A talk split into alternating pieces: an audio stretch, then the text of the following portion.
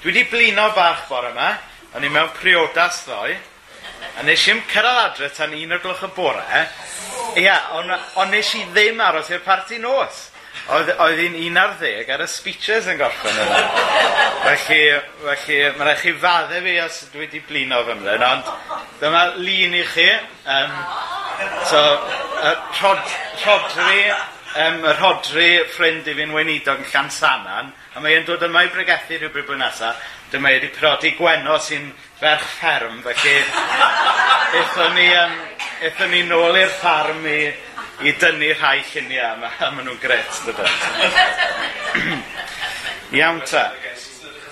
Ie, yeah, dyna. Yeah. Na ni, reit. Um, I ni'n mynd i gario ymlaen bore yma i edrych um, Ar y gyfres yma ni'n mynd trwyddo fe, yn edrych beth yw'r eglwys a beth yw rôl a galwad eglwys Iesu Grist. Nawr, ni wedi dweud bod chi'n chi dweud lot am bobl wrth i ffrindiau nhw. Ac mewn digwyddiad fel priodas, chi'n chi gweld hynna yn fwy na'r arfer. Ac wrth gwrs ni yw ffrindiau Iesu Grist, yn dyfa. Felly, trwy ddod i'n adnabod ni, yn gweddi ni yw bod pobl hefyd yn cael blas o pwy yw Iesu Grist. Achos dyddi yma, um, does dim lot o bobl gweithio modd yn adnabod Iesu Grist. Felly mae yna fwy o gyfrifoldeb byth ar ffrindiau Iesu Grist i, i roi rhyw syniad, roi rhyw flas o bobl, pwy yw Iesu Grist, be mae Iesu Grist yn ei gynnig, be mae Iesu Grist wedi i gyflawni. Um, achos eglwys Iesu Grist yw llys genhadaeth, embassy, Iesu Grist yn y byd yma. Um, llys genhadaeth, wrth gwrs, yw rhywbeth sy'n perthyn i wlad arall, ond mewn gwlad arall, er mwyn rhoi blas i'r bobl yna, hyrwyddo syniadau y byd yna. Felly ni, yr eglwys, yw llys genhadaeth Iesu Grist yma yng Nghaernarfon. A mae hwnna yn fraint, yn dydy? A mae e yn gyfrifoldeb hefyd. Felly mae'n bwysig bod ni'n edrych gyda'n gilydd be mae e'n dweud yn y Beibl ynglyn â pwy yw'r eglwys, be ddylai'r eglwys i wneud. Um, ac dros y bythefnos nesaf yma nawr, i ni'n mynd i ddechrau edrych beth yn union ydy gwaith, beth yw cenhadaeth yr eglwys. A ni'n mynd i dorri'r beth lawr mewn i ddau gategori fel petai. Ni'n mynd i edrych ar y cyfrifoldeb yr eglwys i ddangos cariad a tosturi dew, a wedyn cyfrifoldeb yr eglwys i rannu am gariad a tosturi dew. Hynny yw, yr angen i ni ddangos yr yfengil, ond hefyd yr angen i ni rannu a pregethu yr yfengil mae, mae, mae un yn ymwneud â be ni'n neud, a mae un yn ymwneud â be ni'n dweud. A mae'r ddau beth yn bwysig. Mae'n bwysig bod ni'n dangos yr efengel a dweud a rhannu yr efengel. A fel i chi wedi dyfalu falle o'r, o'r ffordd ar ei mari yn hagor ni bore yma, i ni am ganolbwyntio bore yma ar ddangos yr efengel, dangos cariad Dyw, a wedyn mewn pethefnos ddewn ni nôl a edrych sut mae rhannu, sut mae, mae rhannu ar lafar fel petai am gariad Dyw. Um, achos mae'r ddau beth yn bwysig yn dydy. Mae'n bwysig bod ni'n dangos cariad Dyw, ond bwysig hefyd bod ni'n dweud ac yn rhannu am gariad Dyw hefyd. Maen nhw'n dod gyda'i gilydd y dweud a'r gwneud, ond eto maen nhw'n wahanol. Maen nhw fel spaghetti a bolognese, ond gyda'i gilydd maen nhw'n spaghetti bolognese. Lle dechrau safi? A mae'r un peth yn wir am gariad Dyw. Mae eisiau ni ddangos a rhannu y cariad. Mae eisiau ni ddweud a gwneud y cariad. Maen nhw wahanol, ond eto maen nhw'n dod gyda'i gilydd. Spaghetti a bolognese. Spaghetti bolognese. So dangos a gwneud am gariad Iesu. Um, Nawr, i, i fi am ddechrau sôn am, am gariad a cyfiawnder Dyw, drwy fynd â ni i'r Hen Testament. Um, yn yr Hen Testament, yn Leviticus, nawr, ni'n edrych ar llyfr y datgyddiad yn oed fan y nos, ac hwnna yw'r llyfr yn y Testament newydd mae pobl yn ofn mynd iddo fe. Yn yr Hen Testament, Leviticus yw'r llyfr i ni'n ofn mynd iddo fe. Ond yn llyfr Leviticus, mae gyda ni ddysgeidiaeth am y Jubilee. Nawr, pan i ni'n meddwl am Jubilee, y peth cyntaf sy'n dod i'n meddwl ni, wath i ni gydnabod ydy'r frenhines yn dyfa, a dathliadau brenhinol fel petai. Neu falle bod ni'n cofio am ymgyrch Jubilee 2000. Chi'n cofio am hwnna oedd cymorth Cresnogol a'r BMS a TFund yn rhan ohono fe. Ymgyrch i ddyleu, dyledion y gwledydd tlotaf yn y byd nôl yn y flwyddyn 2000 ac oedd pobl enwog fel Bono, U2 yn arwen yr ymgyrch.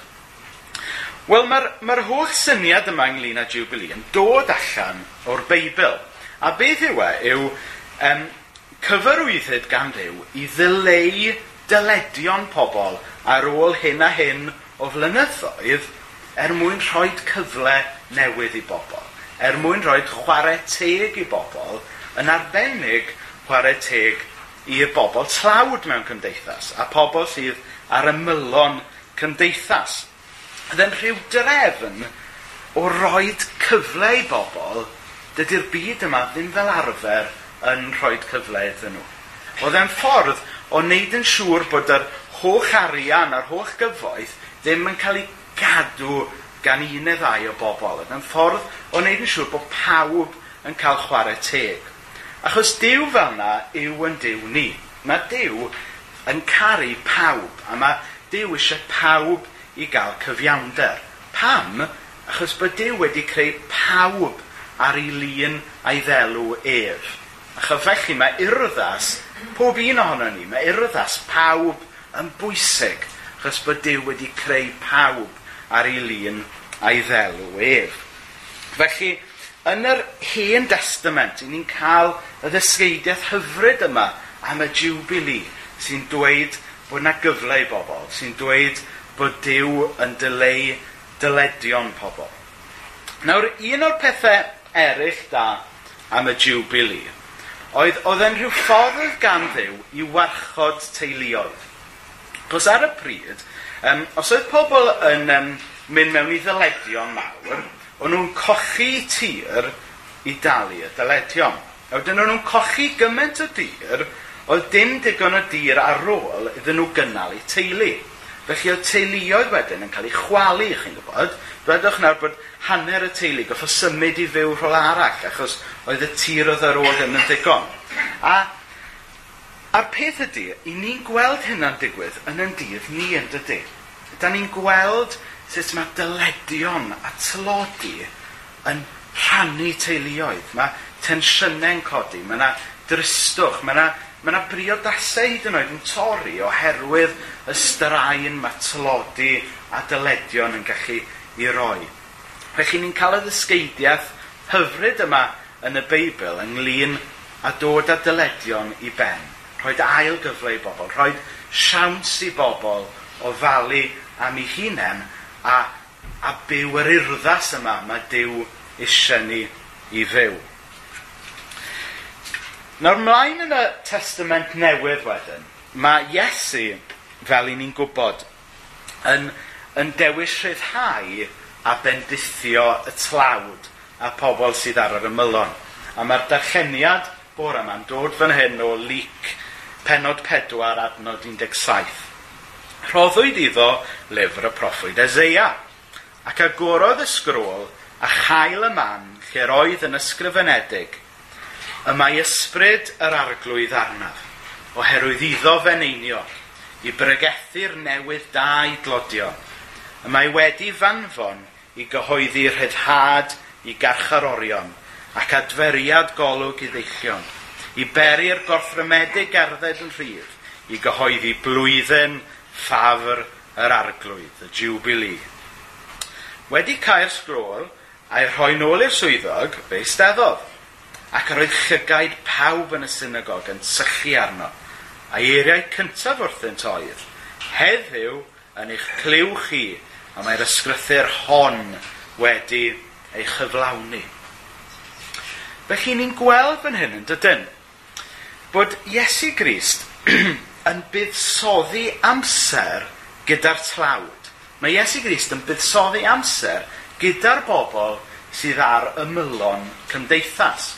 Mae'n buddsoddi amser gyda'r bobl wath i ni gydnabod mae'r rhan fwy ohono ni ddim yn treulio amser gyda nhw. Ond ni'n gweld Iesu fan hyn yn cymryd ochr y tlawd, cymryd ochr y bobl sydd ar ymylon cymdeithas. A beth oedd Iesu specifically wneud, oedd e'n bwyta gyda nhw. Nawr, ni gyd yn licio bwyta, yn dydyn ni gyd yn licio, dyn ni fwyd lyflu neithio'r yn y briodas. Um, a beth oedd Iesu yn wneud oedd bwyta. Nawr mae bwyta, hyd yn oed heddiw, yn arwydd bod chi'n uniaethu gyda rhywun, yn dydy? Nawr, yn, yn Ewrop, mae'n debyg mae'r arfer yw bod chi'n mynd mewn i gaffi a chi'n eistedd gyda strangers a dyna maen nhw'n neud. Mae'n ma rhyw arddull yw e. Mae yna ma, gaffi Sbeineg yn Aberystwyth gyda jyst un bwrdd mawr. A dyw pobl Aberystwyth ddim yn ei lyco fe, achos chi goffonistig gyda pobl chi ddim yn adnabod. Um, ond achos yn yn cyfdeithas ni, i ni'n iste gyda pobl, i ni'n lico, i ni'n iste gyda pobl, ni'n adnabod yn dydyn. Hynny yw, mae pwy ni'n iste gyda i fwyta yn dangos bod ni yn ei derbyn nhw ac yn ei hoffi nhw fel petai. Doedd yr un beth yn wir yn newylliant ag amser Iesu Grist. Oedd y ffaith bod Iesu yn dewis bwyta gyda'r bobl yma yn dangos fod diddordeb ganddo fe ynddyn nhw. Bod na le iddyn nhw yn ei deyrnas e. Nawr, nes ymlaen yn Efengil Lyc, yn adnod 15, Mae'r un peth yn digwydd eto. Mae Iesu Grist yn istel awr gyda pechaduriaid. Neu hynny yw y tlodion yma, y casglwyr trethu, y pobl yma oedd ar y mylon cymdeithas. Ac yng nghwmni y pechaduriaid yma, mae Iesu wedyn yn mynd mlaen i siarad am y ddafad golledig. Mae e'n mynd mlaen i siarad am dameg y darn arian coll.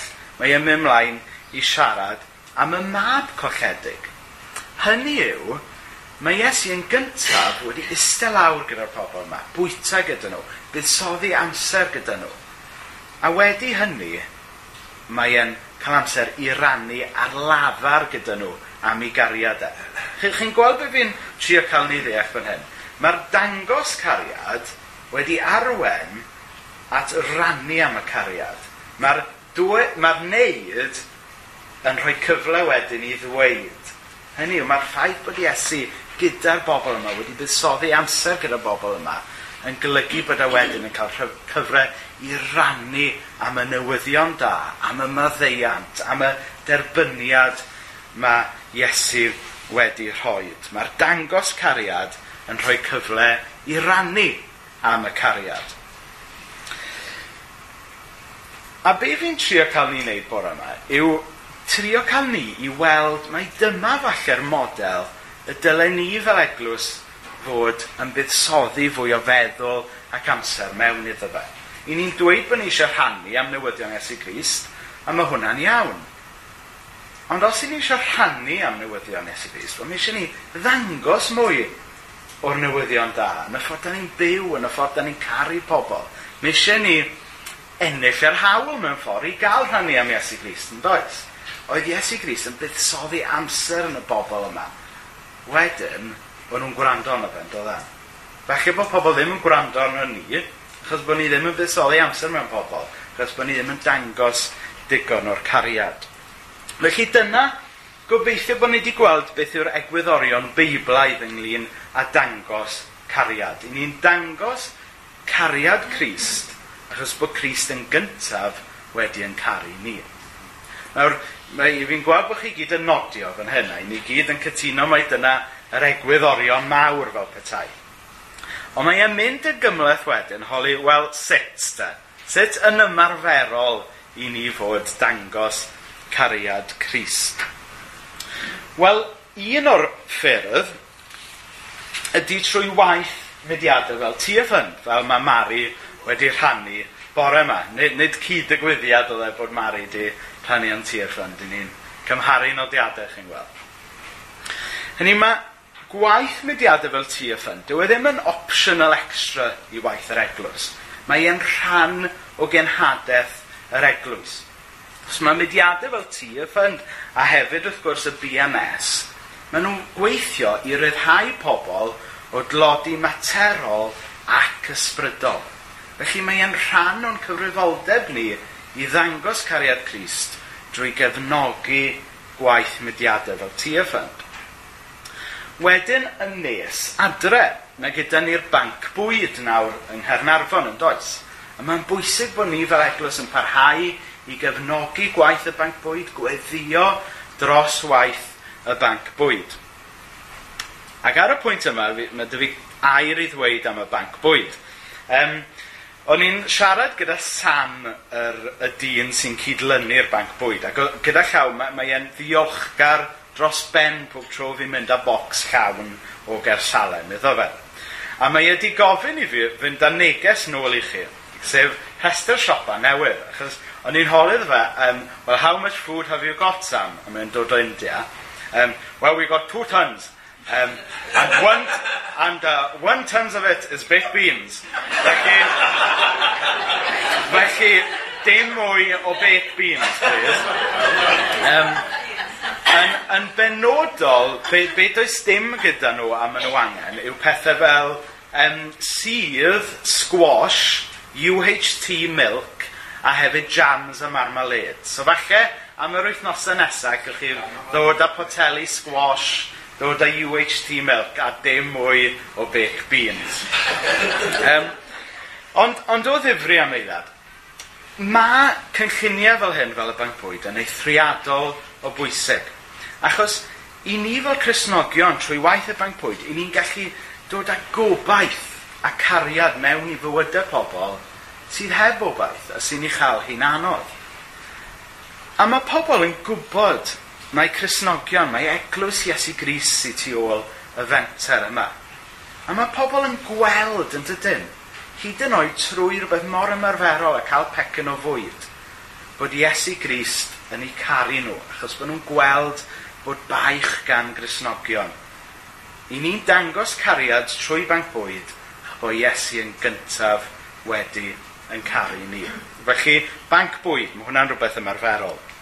Un peth arall sy'n mynd mlaen yn y dref yma yw mae yna um, ganolfan cap yn y dref, sef Christians Against Poverty. A beth yw cap? Ydy rhyw fath o asiantaeth um, sy'n helpu pobl ddod allan o ddyled ac yn helpu pobl i reoli i arian mewn ffordd oedd. Um, felly mae hwnna'n un peth ymarferol y gallwn ni fel eglwys falle weld sut ydych ni gyfrannu mwy iddo fe ond yn sicr gweddio drosto fe.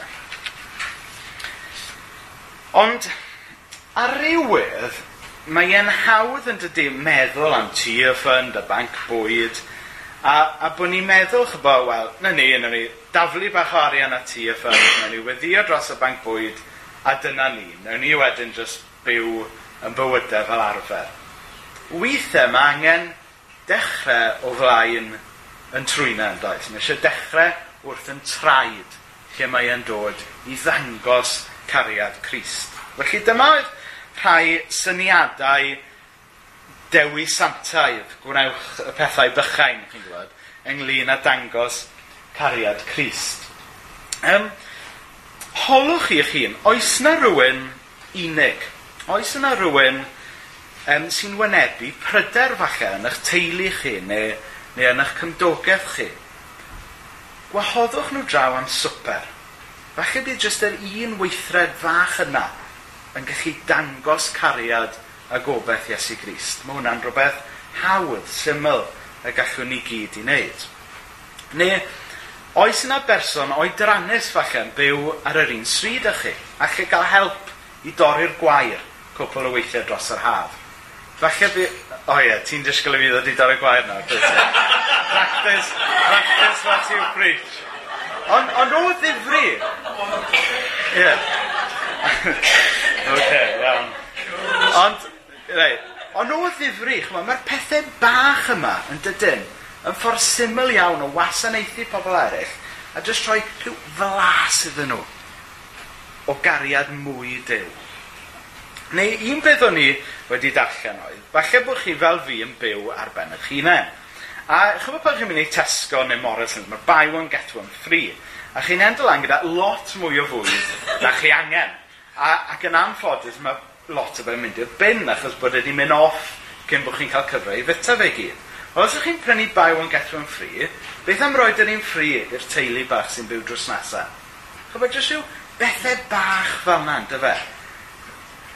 Ar pwrpas hyn i gyd ydy dangos cariad Crist a wneud i pobl holi yn y diwedd, wel, pam bod y bobl yma yn neis i ni, pam bod y bobl yma yn dangos cariad. A'r gweddi yw yn y diwedd, byddwn ni'n cael cyfle i ddweud, wel, ni'n eich caru chi, achos mae Crist yn gyntaf wedi yn caru ni. Ni bod yr holl weithredoedd bach yma o ddangos cariad yn arwen pobl yn y diwedd i weld cariad dew. Mae'r holl bethau mae'n codi pontydd i ddangos am gariad Iesu. Nawr, pan fyddai'n rhoi yr um, bregaeth yn llan llyfnu prawn yma, fydd y, fydd y bregaeth yn gorffen fyna. A mae gyda fi rhan extra i chi. Sef, holi, a dyn ni'n defnyddio yr adeilad yma yn y ffordd orau i ddangos cariad Crist i'r dre. Nawr, pan, pan nes i um, symud i Ganarfon gyntaf, nes i wneud cyfweliad i papur dre, chi'n gwybod, y papur bro. Ac, um, ac oedd na si ymys Crai cylchodd yn y dref, wel, chi di clywed, mae Caer Salem wedi ailagor. ac wrth gwrs, hynny yw, yr adeilad y dyfodd, oedd wedi rhoi yr argraff i lot o bobl yn y dref, gweithio modd, bod, bod yr achos wedi dod i ben. A mae hynna'n heriol iawn yn dydy, ynglyn ag a dyn ni wneud y defnydd gorau o'r adeilad yma i ddangos cariad Crist, i wasanaethu y gymuned yma yng Nghernarfon. Nawr erbyn hyn, mae'r rhan fwyaf o'r gwaith strwythurol, y gwaith mawr, wedi gorffen ar yr adeilad. Clod i ddew. Um, felly mae'n amser i ni fel eglwys i ddechrau meddwl, wel be ni am wneud tu mewn yr adeilad? Hynny yw, oes na ffordd y gallwn ni addasu'r adeilad i fendithio a gwasanaethu'r gymuned fwy a bod llai fel amgueddfa. Hynny yw, mae yna gwestiynau yn does. Ydy ni'n gwneud y defnydd gorau o'r adeilad yma i ddangos cariad Crist, i fendithio y gymuned o'n cwmpas ni yng Ngharnarfon.